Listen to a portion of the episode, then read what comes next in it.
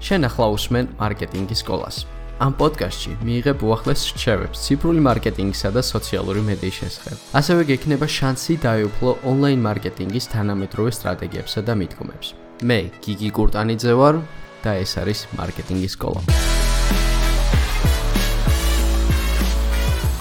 გამარჯობა მეგობრებო, დაგიბრუნდით მორიგი ეპიზოდით, უკვე მესამე ეპიზოდით. პირველ რიგში მინდა ყველას მადლობა გადაგიხადოთ აი ასეთი აქტიურობისათვის პირველ ორ ეპიზოდზე. ჩვენ უკვე ყავს 300 აქტიური მსმენელი, რაც სიმართლე გითხრათ წარმოუდგენელი მეგონა ორ ეპიზოდში თუ 300 აქტიური მსმენელი მეყოლებოდა. რისთვისაც კიდევ ერთხელ მინდა უღმესი მადლობა გადაგიხადოთ. კარგით მეგობრებო, ახლა კი გადავიდეთ დღევანდელ თემაზე. როგორც იცით, შავი პარასკევი და საახალწლო ფასდაკლებები ახლოვდება. და ეს არის ის პერიოდი, როდესაც მომხმარებლები უფრო მეც ხარჯავენ ზოგადად წლის განმავლობაში, ვიდრე სხვა დროს. შესაბამისად, ბრენდები აი ამ პერიოდის განმავლობაში ყოველთვის ცდილობენ, რაც შეიძლება მეტი გაყიდვები დააგენერონ. და სწორედ დღევანდელი პოდკასტის თემაც ეგ იქნება. დღეს მე გასწავლით, როგორ მოვემზადოთ უფრო საახალწლო ფასდაკლებისთვის, იმიტომ რომ Black Friday უკვე ძალიან ახლოს არის. და გავზარდოთ ჩვენი გაყიდვები სტრატეგიული მithkomებით. ჯერ ვისაუბრეთ კონკრეტულ შეცდომებზე, რაც არ უნდა დაუშვათ, უშუალოდ როდესაც გვინდა რომ სახალწლო ფასდაკლებებიდან შემოსული თანხა გავზარდოთ, ამ შეცდომებზე ვისაუბრებთ და შემდგომ უკვე ვისაუბრებთ უშუალოდ რა უნდა გავაკეთოთ იმისთვის, რომ გავაუმჯობესოთ გაყიდვები. მოკლედ არ მიყვარს ხოლმე გაწელვები და პირდაპირ დავიწყოთ. ეს პოდკასტი მინდა იყოს ძალიან მოკლე და ძალიან ინფორმაციული, ამიტომ დავიწყებ პირველ შეცდომით. შეცდომა ნომერი პირველი, რომელსაც უმეტესობა ადამიანს უშვებს, ეს არის data-ს არ გამოყენება. მესმის მეგობრებო, რომ ზოგს ციფრები შეიძლება არ გვიყვარდეს, მაგრამ მინიმალური data-ს გამოყენება, რასაც სჭირდება მინიმალური მათემატიკის ცოდნა, აი ეს მონაცემები აუცილებლად გამოიყენოთ ჩვენ სასარგებლოდ.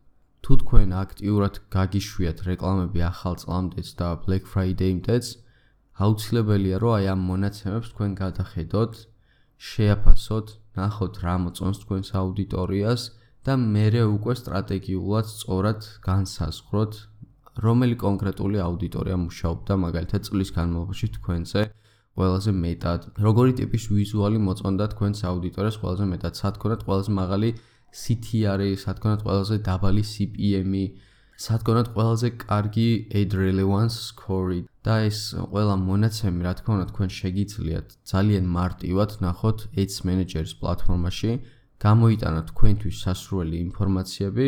მე აქვე გეტყვით რა ინფორმაციები უნდა გამოვიტანოთ და რა ციფრებს უნდა უყუროთ, ეს არის CTR-ი, ანუ პროცენტული მაჩვენებელი. თუ რამდენი პროცენტი აჭერდა თქვენს რეკლამას და ეს მონაცემები გეხმარებათ განსაზღვროთ რამდენად ასე ვთქვათ, scroll stop rate გაქვთ, რომ ანუ მომხმარებელი რომელიც scroll-ავს, მათ თქვენ იმდენად ინტერაქციულ რეკლამას უჩვენებთ, რომ ისინი ჩერდებიან თქვენ რეკლამას და შემდგომ ამ რეკლამას აჭერენ. scroll stop rate-ის დათვლა ნუ სხვანაირად შეიძლება, ამას მე hook rate-ს ვეძახი, თუ გვაქვს სამწამიანი მოკლე GIF ვიდეოები, რაზეც ყოველთვის უწევ ხოლმე რეკომენდაციას, ან თუ ფოტო კონტენტი გაქვს, ბარემ ეს ფოტო GIF-ად აქცია და სამწამიან ვიდეოდ აქცია და შესაბამისად იქნება საშუალება, რომ დაითვალო კონკრეტული პროცენტი თუ რამდენი პროცენტი ჩერდება თქვენ რეკლამაზე. Hook rate ეს ჩემი რაღაც გამგონილი ფორმულა, თუმცა როგორც ვიცი, ძალიან ბევრი სხვა მარკეტერიც ყენებს. ეს არის სამწამიანი ნახვები გაყოფილი impression-ის რაოდენობაზე. და რეალურად ანუ ამით ხვდები მომხმარებელი რამდენად ჩერდება და თუ ეს პროცენტი 15-20%-ზე მაღალია, ეს ნიშნავს, რომ საკმაოდ კარგი რეკლამა გაქვთ. კიდევ ერთი მონაცემის ნახვა რაც მიყვარს, ეს არის CPM-ი.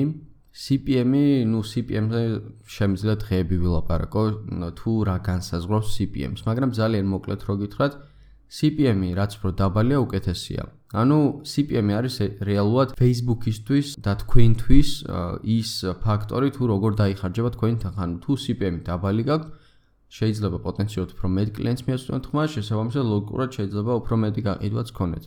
ამიტომ ყოველთვის თქვენი მიზანი უნდა იყოს, რომ CPM იყოს დაბალი. თუმცა CPM-ს ძალიან ბევრი რამ განაპირობებს. ისეთები, რომლებსაც თქვენ ვერასდროს ვერ გააკონტროლებთ, არის ის, რომ მაგალითად ფაზდაკლების დღეებში იქნება ეს შავი პარასკევი თუ საახალწლო ფასდაკლება, აი ამ პერიოდში, რა თქმა უნდა, ძალიან ბევრი სხვადასხვა კომპანია იყენებს სარეკლამო პლატფორმას, Facebook-ისას და არა მარტო Facebook-ისას. რა თქმა უნდა, კონკურენცია იზრდება, რეკლამაზე მოთხოვნა იზრდება, შესაბამისად მოთხოვნა თუ იზრდება და მიწოდება რეკლამების რაოდენობის არის იგივე, ძალიან ლოგიკურად, რა თქმა უნდა, ფასი იზრდება CPM-ს, ანუ ეს არის რასაც ვერ გავაკონტროლებთ, იმიტომ რომ ყოველთვის მოხდება, იმიტომ რომ კონკურენცია ყოველთვის იქნება ამ პერიოდში. მაგრამ გავაკონტროლებთ რას? გავაკონტროლებთ პირველ რიგში ვიზუალებს. რაც წეგან თქვი, თუ ვიზუალი კარგი გვიქნება, Facebook-ი ამით აგოჯილდოვებს, იმიტომ რომ Facebook-ი ეს არის სოციალური პლატფორმა, რომელ პლატფორმასაც ურჩევნია, რომ მომხმარებელს რაც შეიძლება ხარისხიანი კონტენტი და არა მარტო კონტენტი, რეკლამაც კი ხარისხიანი მიეწოდოს. თუ Facebook-ი ჩათვლისო თქვენი Facebook რეკლამა თქვენს მიერ მითითებულ actions, ანუ ასე ვთქვათ, მაგალითად თუ თქვენი მიზანი იყო engagement-ი და engagement-ზე გაუშვით და არავინ არ ალაიქებს თქვენ პოსტს, ან Facebook-ით მიხვდება, რომ ეს არ არის საინტერესო პოსტი, შესაბამისად CPM-ს გაგიზრდით და მოგიწევთ უფრო მეტის გადახდა იმისთვის, რომ თქვენი ასე ვთქვათ არა საინტერესო რეკლამა ტრიალებდეს მათ პლატფორმაზე. მაგრამ თუ პირიქით იქნება მაგალითად აი შეიძლება message-ის კამპანია ქონდეს და message-ები ძალიან იაფი გიჩნდება რაღაც კონკრეტულ სეგმენტზე, მაშინ დაგაჯილდოებს და რა თქმა უნდა CPM-ი უფრო დაბალი გექნება. ამიტომ ყოველთვის აკონტროლეთ ეს ციფრი. კიდევ ერთი მეტრიკა, რასაც უყურებს, არის CPC, ანუ cost per click-ი, განსაკუთრებით, როდესაც გვაქვს web-გვერდთან შეხება, აუცილებელია რომ ამ მეტრიკას უყურებდეთ, რომ სწორად განსაზღვროთ, რომელი აუდიტორიებიდან შემოგდის ყველაზე დაბალი CPC. და ბოლო მეტრიკა, რასაც აუცილებლად ვაკურდები, განსაკუთრებით იმ შემთხვევაში, როცა web-გვერდი მაქვს, ეს არის conversion rate. ანუ რომ შევიდა სიტყვაზე საიტი 100 მომხმარებელი, იქიდან რამდენი დაკონვერტირდა. Ну ამ ციფრის გაზრდა შეიძლება web-გვერდზე კონკრეტული უფრო მეტი დეტალების დამატებით პროდუქტის, რაზეც ცოტა ხანში აუცილებლად გისაუბრებთ და ძალიან ბევრ სხვადასხვა რაღაცებს შეიძლება მაგალითად საიტი თუ სწრაფად ჩატვირთვადია, ამან განაპირობებს რეალურად ის, რომ conversion-ი გაგეზარდოთ. არ ვიცი, აი ძალიან ბევრი რაღაც შეიძლება აი საიტზე chat-bot-ი შეიძლება დაამატოთ და იმან გაზარდოს თქვენი გაყიდვები. შეიძლება ყიდვის ხილად შეცვალ წითლიდან წვანე და აი ამან განაპირობებს conversion-ის გაზრდა. ძალიან ბევრი რაღაც შეიძლება conversion-ის გაზრდა. ამაზე აუცილებლად ცალკე პოდკასტსაც ჩავწყე. ოკეი, მოდით გადავიდეთ შეცდომა ნომერ 2-ზე. შეცდომა, რომელსაც ასევე ძალიან ბევრი მარკეტერი უშვებს, ეს არის არ ხარჯავენ ძალიან ბევრ თანხას. და რას გულისხმობ? ალბათ მოგეხსენებათ იცით და უკვე ვახსენე კიდეც რომ აი ამ კონკრეტულ პერიოდში ნოემბრის ბოლოს და დეკემბრის თლიანი დეკემბრის განმავლობაში რა თქმა უნდა CPM-ი არის გაზრდილი იმიტომ რომ ყველა ცდილობს რაღაცის გაყიდვას იმიტომ რომ ყველა მიცის რომ ამ პერიოდში საახალწლო პერიოდში ხალხის განწყობა უფრო რაც მაღალია უფრო მხარჯველუნარიანები არიან და შესაბამისად უფრო მეტი შესაძლებლობა რომ თქვენი პროდუქტი გაყიდოთ. ამიტომ ძალიან ბევრი ამას უშინის ხოლმე იმ ხრივ რომ არ უნდათ ზედმეტი თანხის დახარჯვა, იმიტომ რომ იციან რომ რეკლამები ძვირი იქნება და ეს არის ძალიან დიდი შეცდომა მეგობრებო. თუ თქვენ აუცილებლად გექნებათ გატესტილი მინიმუმ ერთი თვით ადრე, რაც კონკრეტული რეკლამის ვიზუალები, შერჩეული იქნებათ სტრატეგიულად თქვენი top performance აუდიტორიები, ანუ აუდიტორიები, რომლებმაც ყველაზე მეტი თანხა დააგენერირა მთლიანი შეიძლება ერთი წლის განმავლობაში და რა თქმა უნდა თუ გექნებათ გატესტილი სხვადასხვა call to action message-ები, აი ეს ყველაფერი რო კონდეთ და არ ცდილობდეთ რომ რაც შეიძლება მეტი თანხა დახარჯოთ, ეს არის ძალიან დიდი შეცდომა. აუცილებლად უნდა დახარჯოთ, იმიტომ რომ ეს მართლაც ის პერიოდია, როდესაც conversion rate-ი ძალიან იზრდება და შესაბამისად უფრო მეტი შანსი გვაქვს, რომ გავყიდოთ რაც შეიძლება მეტი პროდუქტი. ამიტომ ეცადეთ თქვენი data-დან, ეს პირველ შეცდომასთან რაც ასოციაციაშია, data-ის საფუძველზე ამოიწეროთ ყველაზე კარგი აუდიტორიები, ყველაზე კარგი ვიზუალები, ყველაზე კარგი პროდუქტები, ყველაზე კარგი შეთავაზებები, რაც შეიძლება არ ვიცი, 1 წლის, 2 წლის, 3 წლის ან რამდენი ხანია თქვენ ბიზნესს არსებობს იმ პერიოდის განმავლობაში კონდათ და ეცადოთ აი ეს საუკეთესო თქვენი ოფერი, მესიჯი და რეკლამის ფორმატი გაუშვათ და გაუშვათ ძალიან დიდ ბიუჯეტზე. ამას თუ გააკეთებთ, დამიჯერეთ არინანებს ამ ახალ წელს. და მესამე შეცდომა, რომელიც რა თქმა უნდა ასევე ასოციაციაში ამ წინა ორ შეცდომებთან ძალიან ბევრი ბიზნესის ფლობელი ძალიან გვიან ემზადება საახალწლო ფაზაკლებებისთვის. აუცილებელია რომ მინიმუმ ერთ თვით ადრე მაინც უკვე მზად ქონდეს ყველაფერი სტრატეგიულად. და რატომ? თუ თქვენ დეკემბრის პერიოდში დაიწყეთ ახლა ყველაფრის ტესტირება და ვიზუალების მოფიქრება და ფორმატების მოფიქრება და აუდიტორების შერჩევა, ჯერ მარტო ხო CPM-ი გაზრდილია და მე კიდევ ძალიან რისკავთ, ხო, ანუ რეალურად, ანუ ყველაზე ძვირ პერიოდში გინდათ რომ გატესტოთ რაღაცეები, რაც თქვენ თვითონაც არ იცით როგორ იმუშავებს, ხო? ანუ ეს არის ყველაზე დიდი შეცდომა, რაც კი შეგვიძლია დაუშვათ. ამიტომ მანამ სანამ რეკლამების ფასი არ გაძვირებულა, მეგობრებო, გამოიყენეთ ეს შანსი, ძალიან მცირე ბიუჯეტზე შეგიძლიათ გატესტოთ სხვადასხვა ფაზაკლებები, სხვადასხვა ფორმატები, მესიჯები, აუდიტორები და ეს ყველაფერი, მე ეს ყველაფერი ცოდნა ჩადოთ თქვენს სტრატეგიაში და გაუშვათ თქვენი საუკეთესო რეკლამები ახალი წლის პერიოდში. ეს იყო სამი ძირითადი შეცდომა, რაზეც მინდოდა ყურადღების გამახვილება. ეხლა კი ვისაუბროთ კონკრეტულად როგორ შეგვიძლია გავზარდოთ შემოსავლები. ძალიან ბევრი ცირე ბიზნესის ფლობელს ვამჩნევ, რომ ვერ ხედავენ თუ რამხელა პოტენციალი აქვს ვებგვერდის ქონას.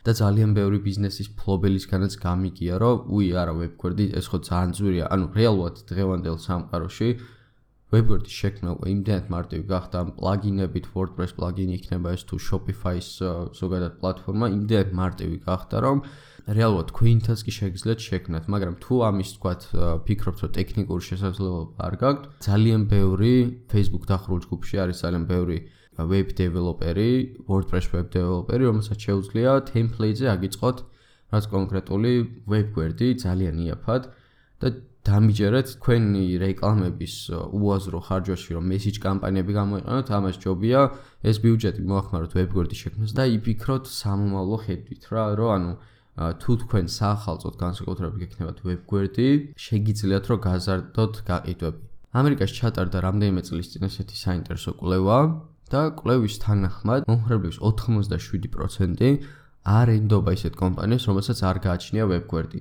ოკეი, მესმის რომ საქართველოს შეიძლება ეს ციფრი სხვა იყოს და ამ კვლევას ალბათ საავადოთ ვერავინ ჩატარებდა განსაკუთრებით საქართველოში, მაგრამ სულ რო 60 50% იყოს ხო ანუ რატომ როცა შეიძლება ძალიან მარტივად Shopify-ს ან WordPress-ის ვებგვერდი შექმნათ და გაზარდოთ მომხმარებლების რა თქმა უნდა დობაც და შემოსავლებიც ხო ამიტომ ეცადეთ საახალწლოდ ვებგვერდ შესაქმნელი ძალიან ბევრი პლატფორმა არსებობს და რა თქმა უნდა ეცადეთ რომ ეს ვებგვერდი იყოს ძალიან სწრაფად ჩატვირთვადი მობილურზე მორგებული პროდუქტის დეტალური აღწერა ქონდეს გაწერილი. ეხლა რას გულისხმობ მათ ანუ კარგად მომისმინეთ. ძალიან ბევრ საიტს ხედავ, რომელსაც აქ უაზრო აღწერა, რა, მაგალითად ორი სურათი დებს პროდუქტის და წერია წონა, ზომა და всё, მაგის იქით მეტი არაფერი. ანუ ეს არის ძალიან დიდი შეცდომა. და ყველაზე კარგი მაგალითი პროდუქტის აღსაწერად ხოლმე, ანუ ინსპირაციისთვის შევდივარ Amazon-ზე. აი სიტყვაზე მაგალითად მაქვს გასაყიდი Winnie's Decanter-ი მაგალითად. და რეალურად ანუ Amazon-ზე შევდივარ, წერო Winnie's Decanters და ტოპ სექციები ამ პირველ გვერდზე რაც ვარდება, ყველა გვერდს ხსნი და ნახულობ მათ აღწერილობებს. ეს არის საუკეთესო რამ რაც კი შეგიძლიათ გააკეთოთ რეალურად. Amazon-ზე პირველ ადგილზე რო ხვდები, ეს ნიშნავს, რომ საკმაოდ კარგი SEO friendly და ისედაც ანუ საინტერესო ვებგვერდი გაქვს, იმიტომ რომ Amazon არის ზუსტად ეგეთი პლატფორმა, რევიუების გარდა ძალიან დიდ უპირატესობას ანიჭებს ისეთ პროდუქტის აღწერილობებს, რომელიც ძალიან დეტალურად არის აღწერილი, იმდენად დეტალურად, რომ მომხმარებელს შედის მაღალი კონვერსიონი ხდება. ანუ რეალურად იმდენად დეტალური აღწერილობა ხდება მომხმარებელს, რომ სურვილი უჩნდება უფრო მეტი, რომ იყიდოს. ამიტომ შედით Amazon-ზე, ნახეთ თქვენი მსგავსი პროდუქტები, რასაც თქვენ ახლა ყიდით და ეცადეთ მათი აღწერილობის მსგავსი ფორმატი მოიფიქროთ და გადმოიტანოთ თქვენს ვებგვერდზე. კიდევ ერთი რამ რაც შეგვიძლია გავაკეთოთ რომ გავზარდოთ გაყიდვები, ამაზე უკვე ვილაპარაკეთ ბევრჯერ აღარ განმეორდები, და შეცდომაში ეს თქვა წამომცდა. ეს არის რომ გავტესტოთ სხვადასხვა კრეატივები, ფაზდაკლებები დეკემბრამდე და რომ მე რა თქმა უნდა სწორად დავხარჯოთ. მოკლედ ბევრს არ ვილაპარაკებ, აუცილებლად გატესტო სხვადასხვა ფორმატები, მაგრამ აქვე დავმატებ ვიდეო ფორმატები, ვიდეო ფორმატები არის საუკეთესო რა, რაც შეგიძლიათ რომ გააკეთოთ. რეალურად, იმიტომ რომ iOS 14-ის განახლების შემდგომ ძალიან რთული გახდა უკვე მომხმარებლების დატარგეტება საიტზე. ანუ Facebook-ის გარეთ. ამიტომ თქვენი მიზანი იყოს, რომ რაც შეიძლება მეტი ინტერაქცია დააგროვოთ Facebook-ის პლატფორმაში.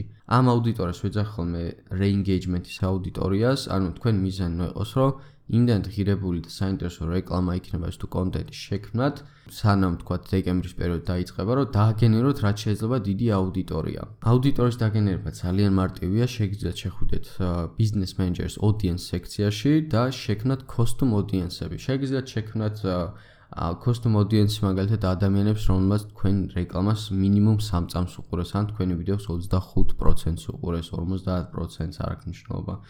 შეგიძლიათ დაატარგეტოთ ადამიანები, რომელსაც თქვენს რეკლამის call to action ღილაკს დააჭირეს, ან დაალაიქეს პოსტი, ან დააკომენტარეს, ან პირადში მოგწერეს, ან ამ ყველაფრისგან შეგიძლიათ custom audience-ების შექმნა. ამიტომ აუცილებლად მოამზადეთ კონტენტი და იცადეთ რაც შეიძლება დიდი აუდიტორია დააგენეროთ. მე გულისხმობ თბილ აუდიტორიას, ამას ვეძახი თბილ აუდიტორიას, რადგან ეს იქნება ის აუდიტორია, რომელზეც ყველაზე მეც გაყიდით, დამიჯერეთ.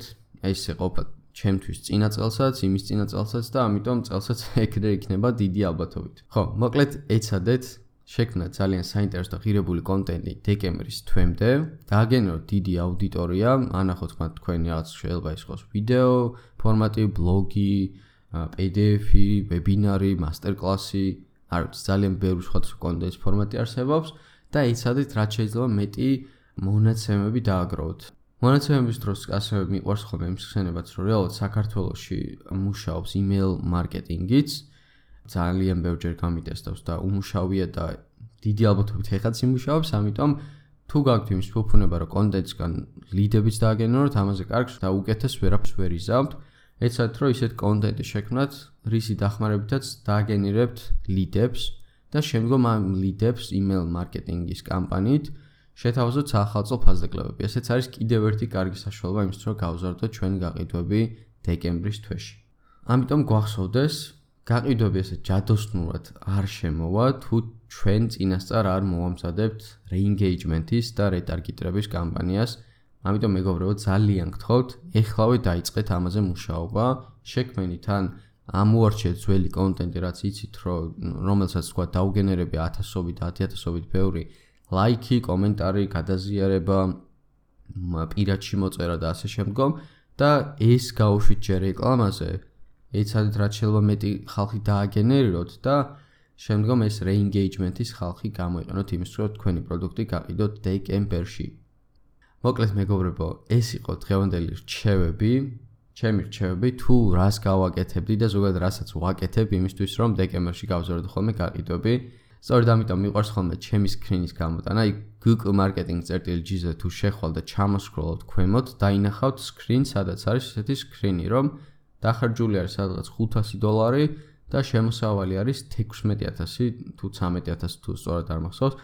ანუ წინა წელს ჩემი შეცდომა ის იყო, რომ არ დავხარჯე იმდენად ბევრი, რამდენიც უნდა დამეხარჯა. ამას დღემდე ვნანობ, იმიტომ რომ მქონდა საუკეთესო აუდიტორია, საუკეთესო რეკლამა, საუკეთესო შეთავაზება და ამ ყველაფრის საფუძველზე 500 დოლარიანი რეკლამით 13000 დოლარიანი შემოსავალი მქონდა ისეთ პროდუქტზე, რაც ზოგადად არ მეგონა თუ ესე კარგად გაიყიდებოდა. ამიტომ მეგობრებო, არ გაჩერდეთ. აუცილებლად გატესტეთ ვიზუალები და ვიზუალების ტესტირების შემდგომ კონტენტს დააგენერეთ აუდიტორია და დამიჯერეთ გაყიდვები ძალიან გაგესრდებათ აი ამ ახალ წელს და ბედნიერად შემდგომ შეგიძლიათ შეხვდეთ შობას და დაისვენოთ კარგად. მოკლედ ეს იყო ჩემი დღევანდელი რჩევები, თუ როგორ მოვემზადოთ სახალხო ფასდაკლევებისთვის გავზარდოთ ჩვენი შემოსავლები. იმედი მაქვს მოგეწონათ დღევანდელი ეპიზოდი. თუ გინდათ რომ იხილოთ მეტი ეპიზოდი, რა თქმა უნდა, აუცილებლად მომწერეთ პირადში, რომ მომწეთ უფრო მეტი мотиваცია, მომწერეთ ასევე თქვა, რა თემაზე გსურთ რომ ჩავწერო შემდეგი პოდკასტი. მანამდე კი მე ამით დაგეშვდობებით და ნახვამდის.